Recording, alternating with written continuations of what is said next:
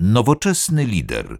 Podcast dla poszukujących inspiracji liderek i liderów. Dzień dobry. To już 50. odcinek podcastu Nowoczesny lider.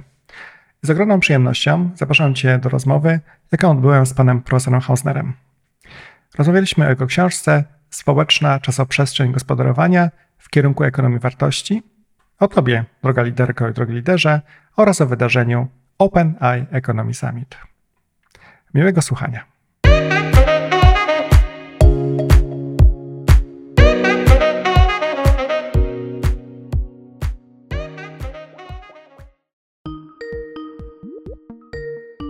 Dzień dobry.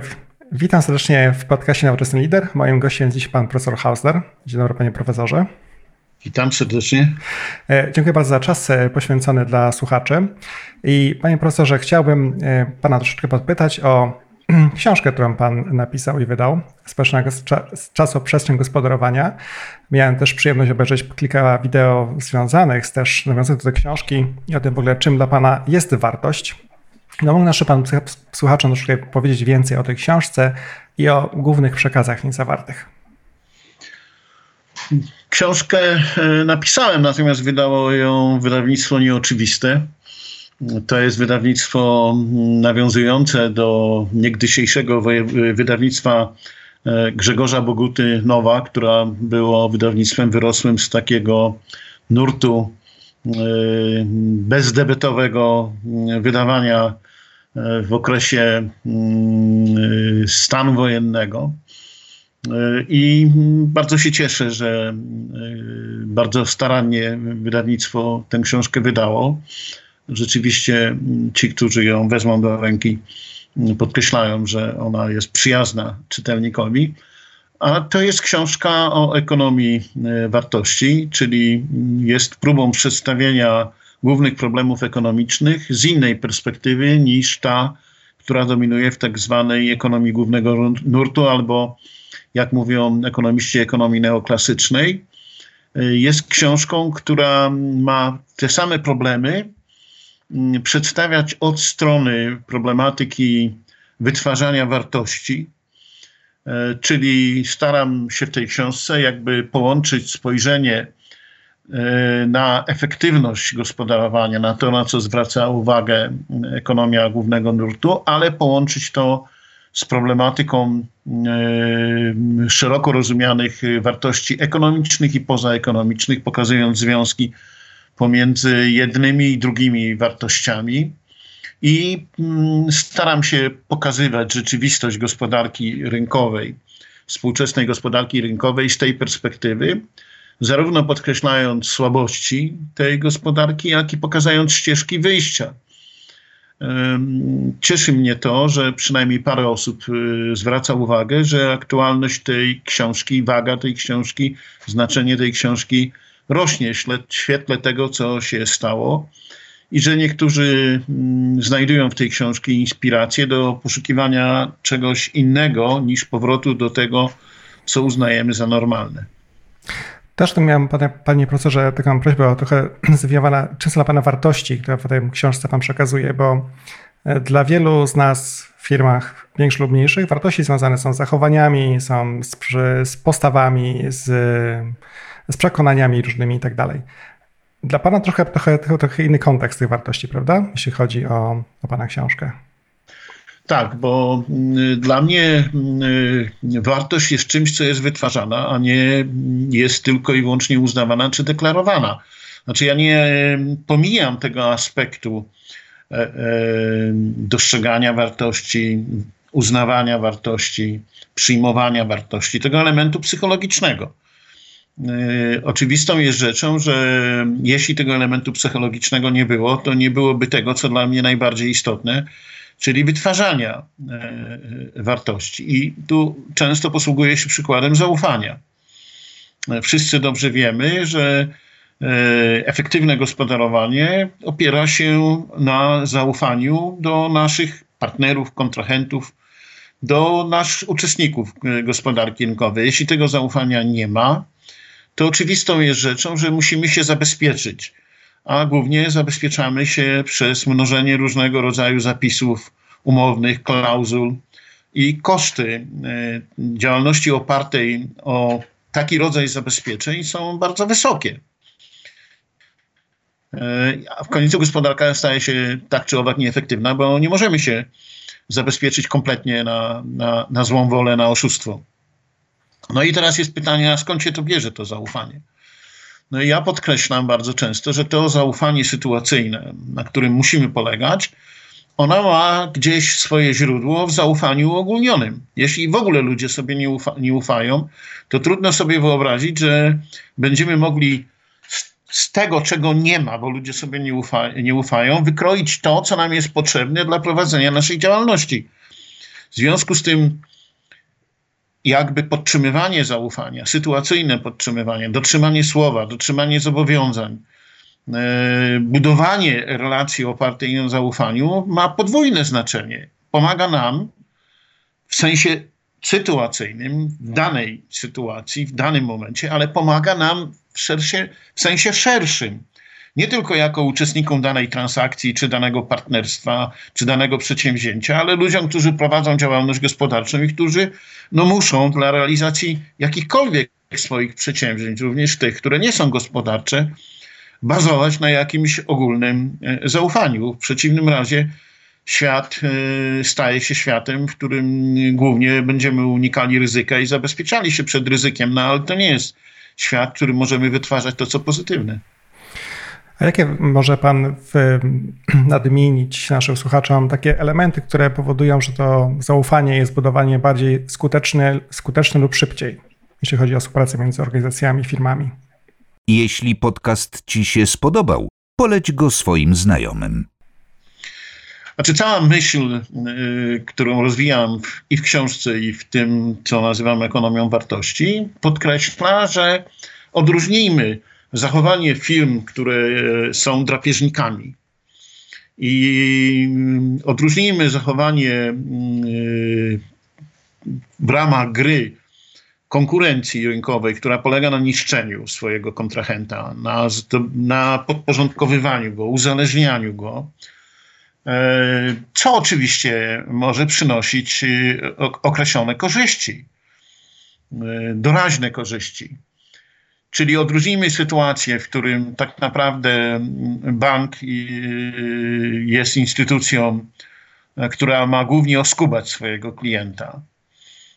Im bardziej wciskając mu różnego rodzaju niepotrzebne produkty i oferując mu bardzo złożone instrumenty, na których się połapać nie może, byle z niego wydusić jak najwięcej, jak już wejdzie w nasze szpony, to żeby się nie wyrwał, od sytuacji, w której tak naprawdę my budujemy nasze powodzenie na powodzeniu naszego kontrahenta, naszego e, partnera.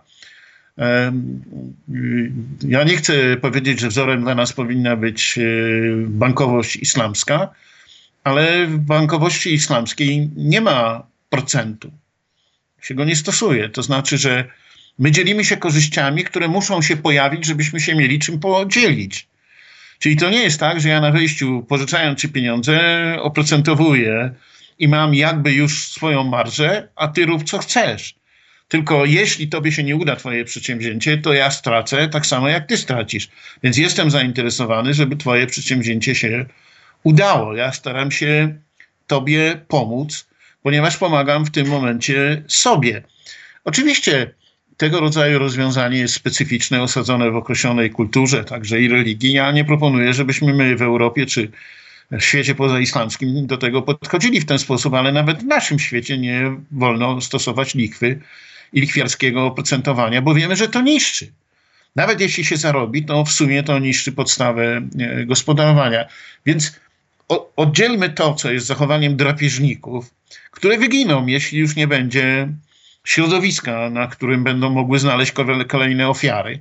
Od sytuacji, w której my budujemy powodzenie w środowisku, które jest środowiskiem gry o sumie otwartej, jak mówią specjaliści od zarządzania, czy w ogóle generalnie jak uważamy co do zasady, ale ta gra o sumie otwartej polega na tym, że Twoje zwycięstwo ma być także i moim y, zwycięstwem. Win-win, co oznacza, że jedziemy na wspólnym wózku, podejmujemy współpracę, dzielimy się ryzykiem, budujemy środowisko, w którym możemy rywalizować i powinniśmy rywalizować. Szukamy, bowiem szukamy lepszych, innowacyjnych rozwiązań, ale nie niszczymy się. To nie jest gospodarka kanibali.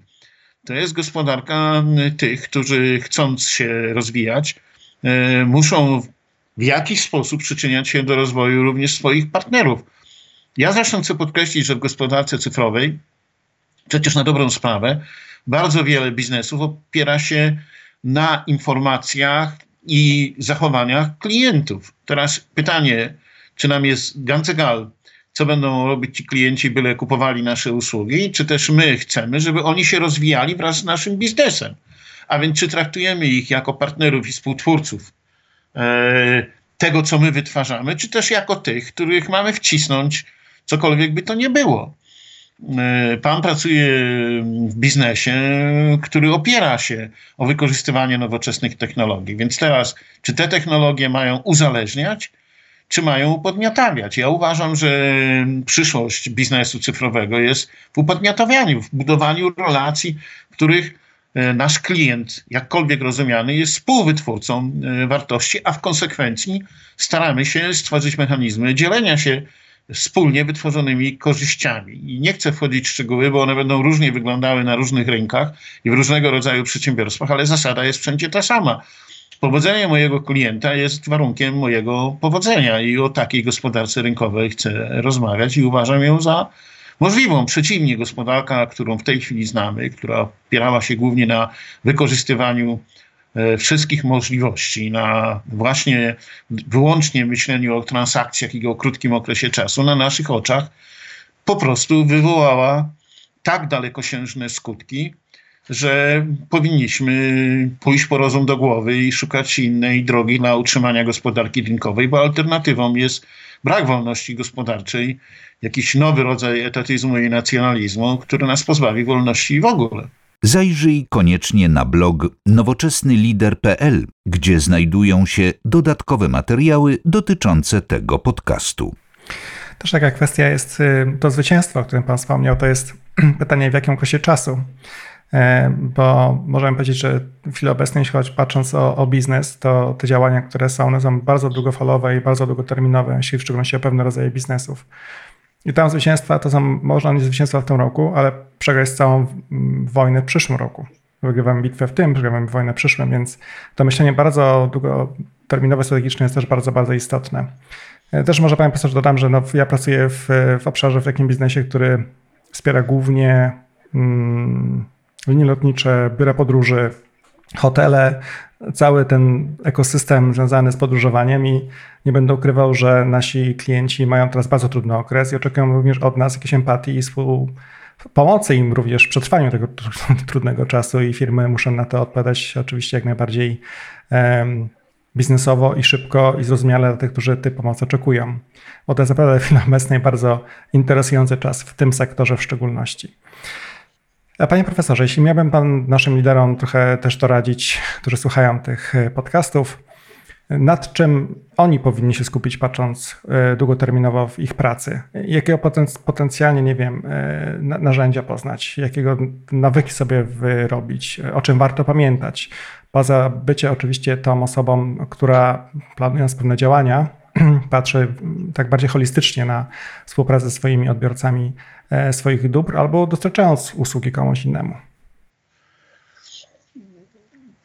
w tej książce, od której Pan zaczął i za co dziękuję oczywiście, bo to jest dla mnie ważna praca, e, ja opisuję także problem odporności, odporności na szoki, czyli coś, co ciężko się tłumaczy z angielskiego na polski, Mówię o resilience, bo to może być odporność, to może być sprawność. I dla opisywania e, tej odporności e, przywołuję metaforę boksera. Boksera, który musi umieć unikać ciosów, ale musi umieć je także zadawać. To znaczy, że z jednej strony, gdyby to przenieść na warunki e, biznesu, musimy mieć dobrą obronę, dobre zabezpieczenia, na przykład rezerwy. Na przykład rezerwy. I teraz widać, że w każdej dziedzinie, w której e, przeżywamy pandemię, widzimy skutki braku jakichkolwiek rezerw w przekonaniu, że gospodarka cyfrowa pozwala nam wszystko robić just in time. No co oznacza just in time, jak nagle fabryka, jaką były Chiny, przestają dostarczać wszystkich komponentów, tak? Znaczy, nagle zdajemy sobie sprawę, że nie można było budować takiego układu, który kompletnie nie przewidywał występowanie y, szoków, y, który po prostu był budowany na zasadzie, jak wszystko idzie płynnie, wszystko idzie, nazwijmy, tak jak powinno iść, no to jest, to jest dobrze. No ale nagle pojawiają się tego rodzaju i z drugiej strony to jest coś, co musi, e, z drugiej strony to jest ta część, kiedy atakuję, kiedy ja muszę także swój biznes dostosować do przyszłych warunków, jakby wyprzedzać to, umieć sobie wyobrazić, co się może stać. Czyli z jednej strony buduję zabezpieczenia, ale te zabezpieczenia muszą iść, ale nie mogą być za drogie, no bo jeśli będę budował jakieś głębokie rezerwy, magazyny i tak dalej, no to to kosztuje, to wszystko kosztuje. W związku z tym być może budowanie rezerw nie polega na tym, że ja buduję rezerwy dla siebie, tylko że w jakimiś partnerami buduję rezerwowe moce, które mogą być uruchomione. Tak jak ja się zastanawiam, co powinno państwo zrobić, nie, nie wiedząc, kiedy ewentualnie wystąpią zjawiska e, epidemiczne o podobnej skali, to wcale nie proponuję, żeby zbudować jakieś super wielkie magazyny i w tych magazynach trzymać maseczki, skafandry i tak dalej, i tak dalej, bo nie wiemy, jakiego rodzaju zagrożenie będzie i czy akurat takie skafandry i takie maseczki będą nam potrzebne, o które dzisiaj nam się wydają potrzebne. Natomiast powinniśmy mieć moce wytwórcze pod ręką, czyli zdolność do uruchomienia w tym momencie właśnie tych rezerw potencjału. Tak? Te rezerwy nie muszą być, tworzyć dla nas wysokich kosztów stałych, ale one muszą być, że możemy przestawić tą produkcję. Tak jak jest w tej chwili, nie wiem, no, przypomnijmy sobie, jak nagle w Europie pojawił się kryzys na rynku turystycznym, jak wybuchł wulkan w Islandii. I przez ileś e, dni i tygodni nie było normalnego ruchu samolotowego. Tak? No, to nie była jakaś wielka wyrwa, no ale to było uderzenie, szok.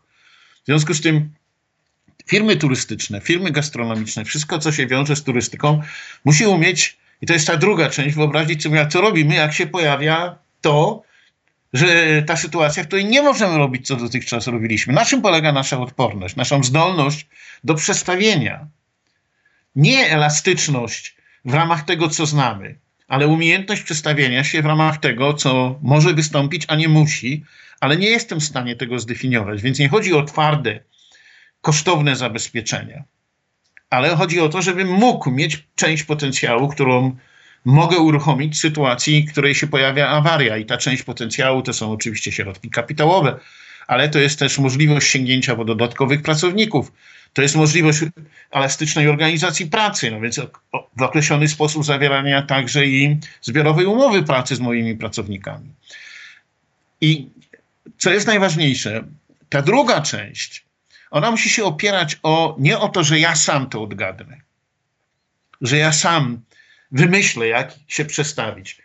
Że nagle ja potrzebuję e, w innych warunkach kreatywności, dużo bardziej kreatywności inwencji ludzi, którzy uczestniczą w moim przedsięwzięciu gospodarczym, ale są w różnych punktach tego przedsięwzięcia i mają różne punkty obserwacyjne. Ja potrzebuję od nich pozyskać wiedzę i umieć ją przetrawić w sensie zbudowania jakiejś syntezy i wybrania właściwej ścieżki.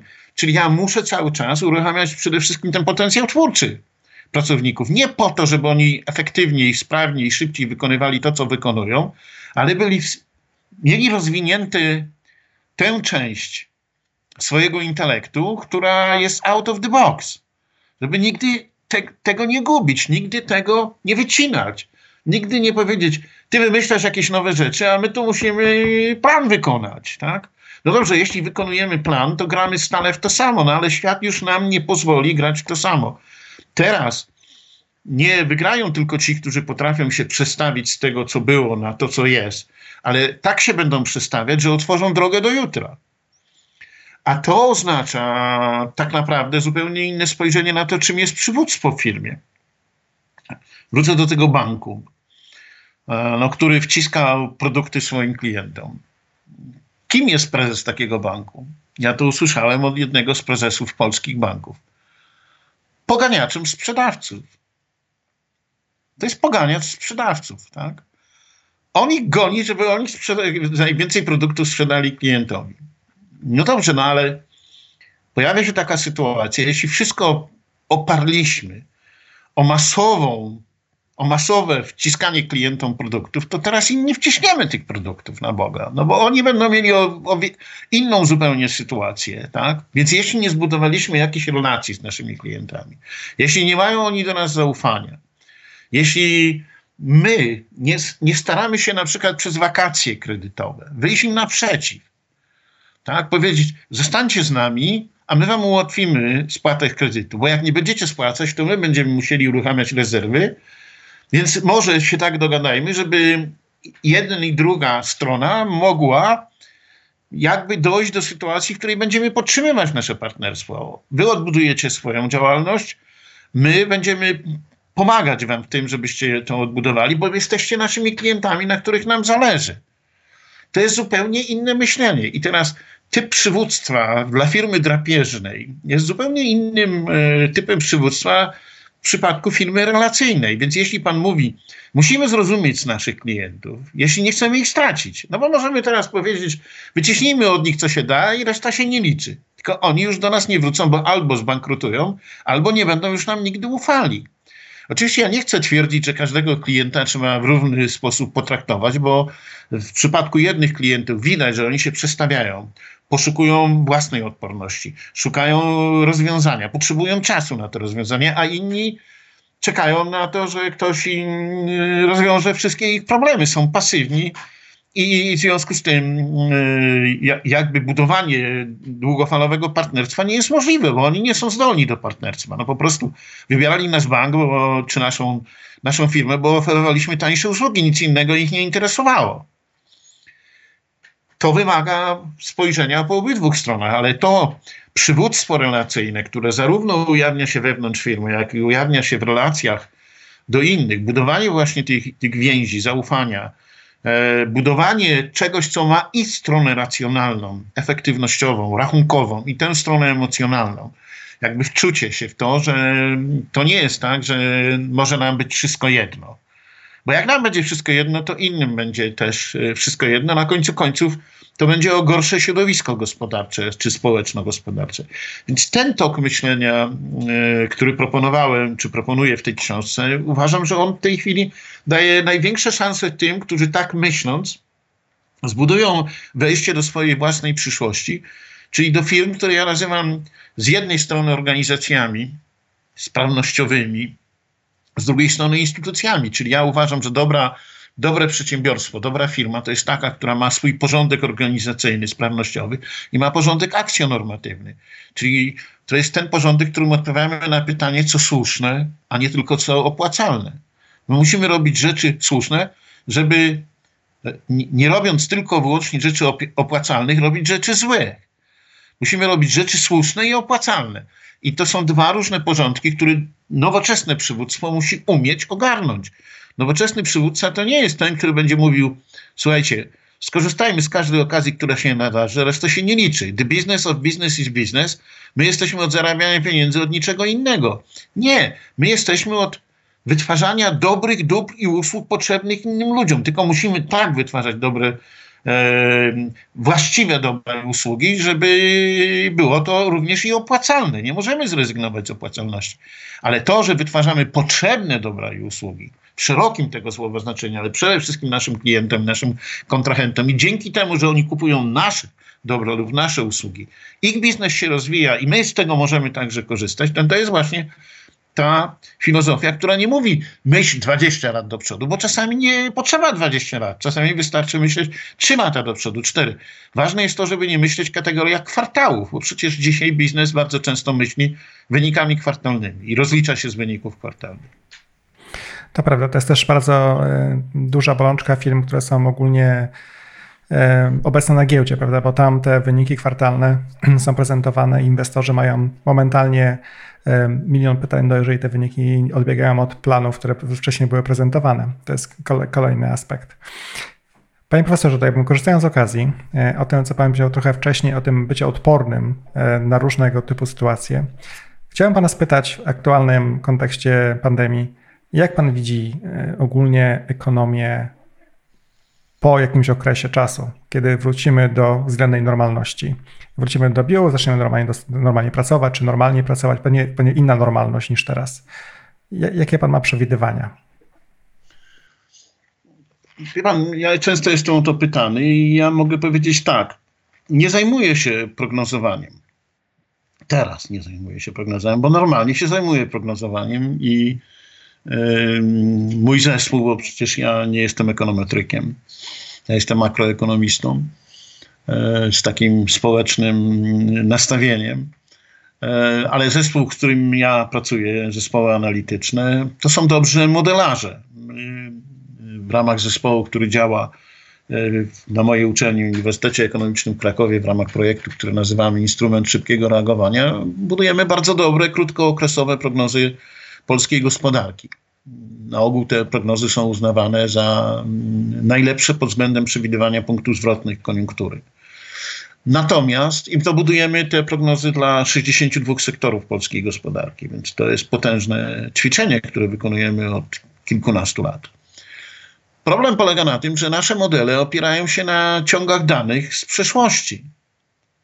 Natomiast jakie są dane na dziś? Po pierwsze, ich nie ma.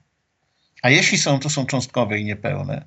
Po drugie, one de facto opisują liczbowo stan, którego my nie rozumiemy. My tak naprawdę tego stanu w kategoriach jakościowego opisu nie, nie, nie, nie, nie rozumiemy. Nie mamy dość analityki, dość E, wiedzy, żeby ten stan opisać. W związku z tym te modele będą dawały mm, wyniki chaotyczne i opieranie się na tych modelach nie ma sensu. Jak, jak jestem pytany, jaki będzie wzrost PKB w tym roku w Polsce, ja mówię, ja nie, nie zajmuję się prognozowaniem, to nie ma sensu. Na końcu zobaczymy. I y, to nie jest najważniejsze. Najważniejsze jest to, żebyśmy nie myśleli o PKB, tylko o tym, żeby ludzie pracowali, a przedsiębiorstwa produkowały towary i usługi, bo to jest najważniejsze, tak? Uruchommy ten proces i potem zobaczymy, jak głęboko zeszliśmy w dół, żeby wiedzieć, jak należy się od tego punktu, jakiegoś punktu zwrotnego odbić, czy ten punkt będzie za dwa miesiące, za trzy miesiące, za cztery miesiące. Nikt tego nie wie i nikt nie jest tego w stanie zaprogramować. Natomiast jedno jest pewne, że każda firma musi się zastanowić, czy to przestawienie, z którym ma teraz do czynienia, ma polegać na tym, zamykam działalność i chronię co mogę, prowadzę działalność w mniejszej skali, prowadzę działalność, ale przestawiam część swojej działalności. Niedawno słyszałem prezesa Fakro, który mówi 70% produkuję tego, co produkowałem, ale uruchomiłem produkcję maseczek i wymyślił nowe urządzenie, które rzeczywiście, tak jak on je przedstawiał, pokazał tą maseczkę. A pan Florek kiedyś obdarował mnie wymyśloną przez siebie koszulkę, z której połowie jest z bawełny, połowa jest z wełny. I która jest idealna na sytuację, kiedy się poce, ale jednocześnie nie chce się przeziębić. Tak? No i to jest zdroworozsądkowe myślenie. I on uruchomił produkcję maseczek na masową skalę, je sprzedaje i robi biznes, tak? I to pokazuje, że przecież każdy może się e, przestawić. I są też tacy, którzy będą musieli pomyśleć o zupełnie o czymś innym, ponieważ to, co było, już nie wróci. No, ci wszyscy, którzy e, kamienice w hostele w centrum Krakowa, niech zapomną o tym biznesie nie na kwartał czy na dwa kwartały, tylko niech zapomną o tym biznesie na znacznie dłuższy okres czasu i niech generalnie władze miasta i oni się zastanowią, czy w ogóle wolno nam robić coś takiego, że dzisiaj w, w, w obrębie plant kiedyś było 20 tysięcy stałych mieszkańców, a teraz jest 400 mieszkańców. Czy to z punktu widzenia miasta i tego biznesu, czy to ma jakikolwiek sens? No to widać, że to w ogóle nie ma sensu. To znaczy, że niektórzy muszą po prostu szukać innego sposobu na, na, na swoje życie, tak? I pewnie każdy z nas staje wobec takiej sytuacji, czego nie będę już robił, co chcę zachować, bo to jest mojej core business, to jest moje jądro, na tym się znam i co chcę zrobić, gdzie się muszę przestawić, a co będę nowego robił. I to jest myślenie, które każda jednostka, która chce wziąć sprawy w swoje ręce, i każda firma, i każdy lider musi sobie na nie odpowiedzieć. Nie ma żadnej jednej odpowiedzi. Z całą pewnością sytuacja w różnych e, dziedzinach się będzie zmieniała. No weźmy sobie rynek nieruchomości, który był rynkiem nie, przede wszystkim nieruchomości biurowych. To był ogromny rynek, który w Polsce rósł. Przecież te inwestycje, nie tylko mieszkaniowe, ale te inwestycje biurowe. Natomiast ja i każdy wie, że nie wrócimy już do pracy w takich organizacjach biurowych, których mieliśmy. Że znaczna część pracy będzie wykonywana nie z przymusu, ale za, za pomocą zdalnych urządzeń. Tyle pomieszczeń nam nie będzie, tyle przestrzeni i tyle pomieszczeń nam nie będzie. Ale możemy bardzo dobrze wykonywać te wszystkie zadania, bośmy się upewnili, bośmy się tego nauczyli.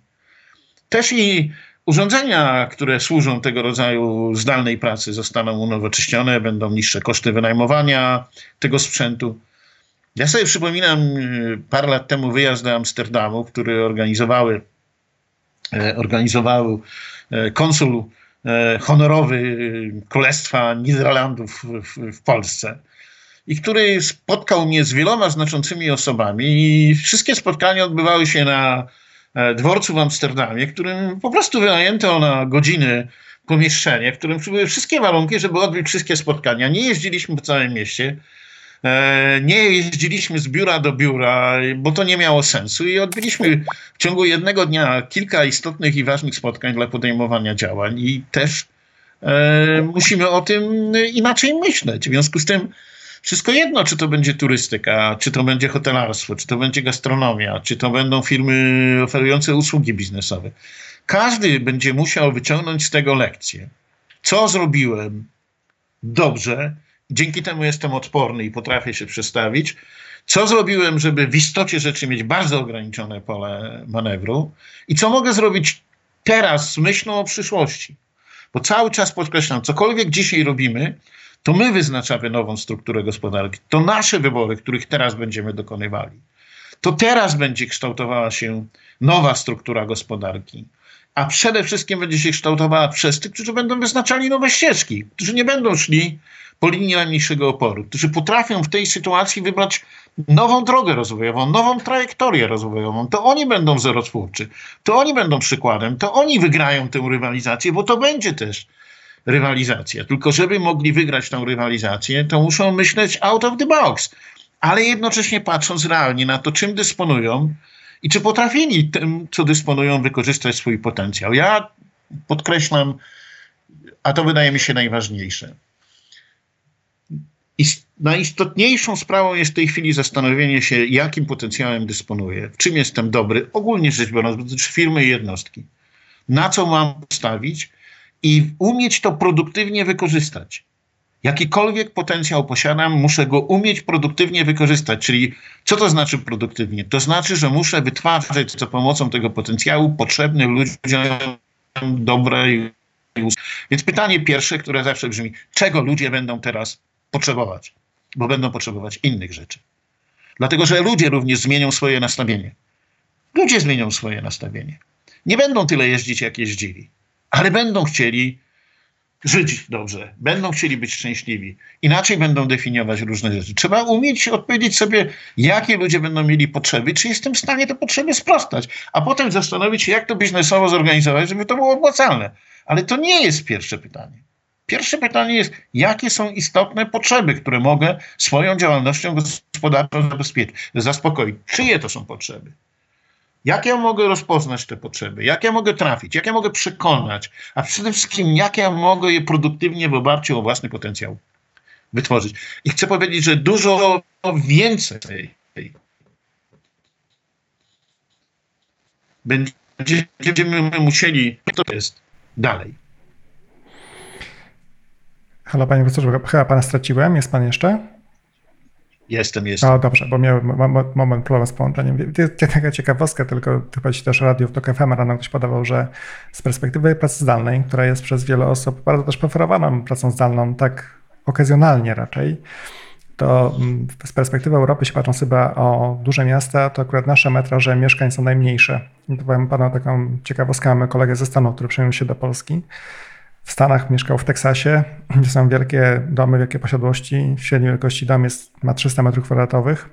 Przecież tutaj ma w Polsce mieszkanie 115 metrów kwadratowych. Dla niego jest to bardzo mały metraż. Także to są też zupełnie inne jakby możliwości, mówiąc zupełnie szczerze, przeniesienia się pracy z domów. My też nad się tym zastanawiamy, ale pracownicy y, nie wszyscy są na to po prostu jeszcze gotowi. Ale zgadzam się, że jeśli wpływ na, na, na popyt na pewnie większość inwestycji, które pojawiają się przy nieruchomości takich y, komercyjnych, y, może być troszkę zrewidowany w najbliższym czasie. Wie pan, z tą pracą zdalną obecnie jest tak, że ona jest wymuszona. A w związku z tym, jeśli jest powiedzmy rodzina, w której dzieci muszą się uczyć, a obydwaj rodzice wykonują swoją pracę e, zdalną, to oczywiście, że powierzchnia jest zdecydowanie za mała. No ale przecież będzie moment, kiedy dzieci po prostu pójdą do szkoły. A, a obydwaj rodziców nie muszą w tym samym e, czasie pracować zdalnie. E, w związku z tym wyobrażam sobie, że przyszła praca będzie polegała na tym, że będą dni takie w firmie, w których wszyscy pracownicy muszą być. Wszyscy. Żebyśmy przynajmniej się widzieli. Będą takie dni, w których e, tylko część pracowników będzie e, obecna e, i będzie to rotacyjnie. I będzie to rotacyjnie. To znaczy, że generalnie rzecz biorąc, będziemy przychodzić do pracy po, nie po to, żeby w niej być, tylko po to, żeby wykonać określone zadania, których nie da się wykonać zdalnie, bo swobodnie i bardziej twórczo będzie je w inny sposób zorganizować. Również po to, żebyśmy utrzymywali więzi, żebyśmy się znali, żeby to nie była środowisko automatów, tylko środowisko ludzi. Tak? W tym sensie pogodzenie jednego i drugiego będzie miało sens. I, I, wtedy oczywiście te nasze metraże znowu już nie będą taką wielką przeszkodą. Obecnie są, no to sobie z tego zdaję e, sprawę. Też taka ciekawostka, że my też po, patrząc z perspektywy firmy widzimy, że efektywność e, pracy jak ludzie pracują z domu w chwili obecnej w 100%, wzrosła jakieś mniej więcej średnio 20%. To jest w ogóle też interesującą obserwacją taką ekonomiczną dla nas biznesową, że ten system działa, działa dość dobrze, nawet działa być może bardziej efektywniej niż kiedy byliśmy w biurze, kiedy te aspekty socjalne dla odmiany, które są też bardzo ważne, zgadzam się w 100%, trochę powodowały umniejszenie efektywności pracowników, no bo spędzali czas na innych aktywnościach, aniżeli samej pracy. To jest bardzo ciekawe, zobaczymy jak to dalej się rozwinie. Poza tym ludzie się też nauczą dzięki pracy zdalnej szacunku dla słowa i szacunku dla czasu innych. Znaczy te spotkania, które normalnie, oczywiście w biznesie jest trochę inaczej niż na uczelniach, ale te spotkania, które normalnie odbywały się w długich jednostkach czasu, do których jesteśmy przyzwyczajeni, e, wcale nie były efektywne. E, po prostu były przegadane. Tak? Były przegadane. Pan, Potwierdzam w 100%. Y, y, w związku z tym zaczniemy też szanować w tym sensie czas, że dobrze będziemy przygotowywać spotkanie, bo jeśli ono jest dobrze przygotowane i dobrze poprowadzone, właśnie to jest niezwykle ważne, żeby ci, którzy kierują takimi spotkaniami, byli po prostu odpowiednimi moderatorami takich spotkań. Tak? Ja mam tutaj spore doświadczenie i wszyscy, którzy ze mną pracują, wiedzą, że na samym początku, jak zaczyna się spotkanie, wyznaczam jego limit czasowy, który jest dostosowany do warunków danej organizacji i nie pozwalam na to, żeby to przebiegało inaczej. Jeśli się okazuje, że nie osiągnęliśmy celów, to albo ja źle się przygotowałem do spotkania yy, i to jest moja wina, albo dopuściłem do gadulstwa i to jest moja z innego punktu widzenia yy, wina. Tak? Nie wolno marnować yy, czasu, bo ludzie muszą mieć czas też na myślenie, a nie tylko na, na, na przekazywanie informacji. Bardzo dużo zależy od tego, czy mając tak dużo informacji, którą w tej chwili mamy, jesteśmy w stanie ją przetworzyć. Nasze procesory muszą ją przetwarzać w sposób swobodny i sposób wolny. Przecież to nasze głowy nie pracują na wyznaczone limity. Tak? Teraz mamy pracować. Bardzo często wiele rzeczy się odbywa na zasadzie, że one się odbywają w nocy, rano, w każdej chwili. ważne jest tylko to, żeby ten człowiek miał tę przestrzeń czasu, w którym jego głowa przynosi mu wiele ważnych spostrzeżeń, skojarzeń i później umiał to przenieść do środowiska e, swojej organizacji. Tak? I Natomiast wymuszanie na ludzi o, tak powiem, odsiadywania czasu lub odsiadywania kolejnych spotkań nie ma sensu. W związku z tym tego też się musimy nauczyć i w tym sensie praca zdalna może nam y, sporo pomóc. To prawda. Panie profesorze, jeszcze może ostatnia tylko propozycja lub też pytanie. Open Eyes Economy Summit już w listopadzie tego roku, prawda? No tak, piąta edycja. Piąta edycja. Może jeśli chce pan, chce pan zachęcić słuchaczy, aby rozważyli uczestnictwo w tym wydarzeniu, może pan powiedzieć kilka słów również o, o tym samicie? Tak, no my się do tego y, wydarzenia na ogół przygotowujemy półtora roku wcześniej. To znaczy my terminy w ogóle mamy wyznaczone do roku 2023. Nie spodziewaliśmy się oczywiście tego, co się stanie i dzisiaj jesteśmy w sytuacji, kiedy musimy być y, twórczy. To znaczy, ja muszę przyjąć założenie, że uda się nam zorganizować ten format, który znamy. E, ale już zmodyfikowałem tematykę, żeby ona była bardziej bliska tego wielkiego zbiorowego doświadczenia traumy i, pozytywnego też doświadczenia, bo my się bardzo wiele y, dobrego możemy z tego wszystkiego nauczyć, jeśli jesteśmy po prostu ludźmi, którzy mają w sobie tę odporność, radzą sobie z okolicznościami. Ale z drugiej strony ja muszę też założyć, że może być tak, że nie będzie można zorganizować w tradycyjnej formie. Ale ja nie chcę tego przenosić kompletnie w świat y, wirtualny, więc y, będę szukał formy, formatów pośrednich. I wymyślenie tych formatów może się nagle okazać, że całkiem twórcze. Całkiem twórcze. To znaczy, że nie, nie, nie muszę organizować kongresu, w którym najważniejszym jest to, żeby E, było ponad 3000 ludzi, bo tyle się w ICE mieści. A być może można zorganizować e, kongres, w którym część ludzi uczestniczy na swoich własnych warunkach. Tak? Wspomniał Pan o tym, że widział Pan niektóre materiały z poprzedniego kongresu i wydały się Panu interesujące. E, jeśli Pan by uczestniczył w kongresie, no to miałby szansę Pan oglądnięcia, bo często mieliśmy 6-7 propozycji naraz, E, I, tylko na tym by pan polegał, e, że oglądał pan jedną z siedmiu ofert, tak? A jeśli my wszystko jesteśmy w stanie dobrze spreparować i podać, no w takich dawkach, które ludzie są w stanie oglądać, bo są zainteresowani i dobrze im pozwolić im nawigować, czyli odkryć to, czego potrzebują, to może się nagle okazać, że inaczej musimy to generalnie przygotowywać i, i, i preparować. Ten kongres e, na pewno będzie innego rodzaju wydarzeniem, ale my zasadniczo nie zmieniliśmy e, naszego tematu. On nie będzie poświęcony koronawirusowi. On będzie poświęcony e, myśleniu o tym, co nam się wydawało ważne, ale oczywiście w nowych warunkach.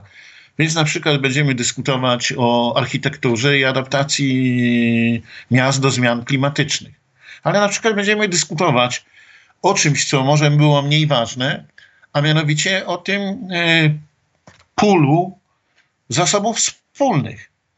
Do jakiego stopnia my musimy polegać na zasobach, których wyłączamy innych, a do jakiego stopnia możemy tworzyć właśnie coś, co się nazywa commoning, czyli praktykami uwspólnienia pewnej części zasobów po to, żeby być odpornym, a jednocześnie nie ponosić kosztów stałych za utrzymywanie tych ze sobą. To znaczy, że partnerstwo byłoby również y, budowane nie na tym, że ja wyłączam ze swojej wiedzy innych, ale dzielę się na określonych warunkach tą wiedzą, bo ją uwspólniam i udostępniam na określonych warunkach, co w ogóle jest y, tendencją y, przyszłościową.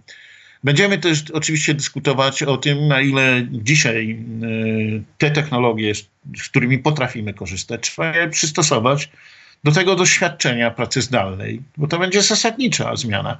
Ale jeszcze nad czymś innym. Niech pan zauważy, że nasze algorytmy obliczeniowe mają ten sam problem, który moje modele ekonometryczne. Tak? Moje modele zgłupiały. Gdybym ja podstawiał jakiekolwiek dane, one zgłupiały, bo one nie wiedzą, co to oznacza. A to nie oznacza, że mamy zrezygnować z analityki i wyrzucić całe narzędzia analityczne. Na pewno trzeba je trochę poprawiać. Ale najważniejsze jest to, że muszę dodać inny rodzaj inteligencji do tego, która jest inteligencją maszynową, która polega na tym, że muszę umieć zrozumieć charakter tych zjawisk, a jednocześnie muszę umieć przenieść to zrozumienie na propozycje działań. I to, to pokazuje, jak bardzo potrzebujemy połączenia myślenia ludzi z myśleniami maszyn, bo myśl, maszyny mają zaprogramowane e, myślenie, więc znowu zaczyna się ponownie postawione pytanie, gdzie jest intelekt, gdzie jest intelekt, a gdzie jest rozum, gdzie jest maszynowe uczenie się, a gdzie jest twórcze poszukiwanie nowych ścieżek działania. To są różne światy, tylko one muszą zacząć do siebie przystawać. Jeśli którzy odkryją te nowe możliwości, zrozumieją, że tu jest szansa, no ci pójdą do przodu, będą liderami, będą nowymi pionierami. I z tego punktu widzenia oczywiście ogarnia mnie frustracja i smutek, że dzieje się to, co się dzieje i że w wielu sprawach po prostu najnormalniej nie radzimy sobie z tym wszystkim, ale z drugiej strony ogarnia mnie absolutna nadzieja, że jest szansa na stworzenie czegoś, co będzie znacznie bliżej ekonomii wartości. Panie profesorze, bardzo dziękuję za rozmowę. Ja też pozwolę sobie podlinkować i materiały z Pana wystąpień na, na moim blogu. Też zachęcam do odwiedzenia e, mojego bloga również. I muszę powiedzieć, że materiały i merytorycznie, jak i technologicznie są super dobrze przygotowane, także olbrzymie gratulacje. Dziękuję serdecznie za wysłuchanie tego podcastu. Do usłyszenia w następnym.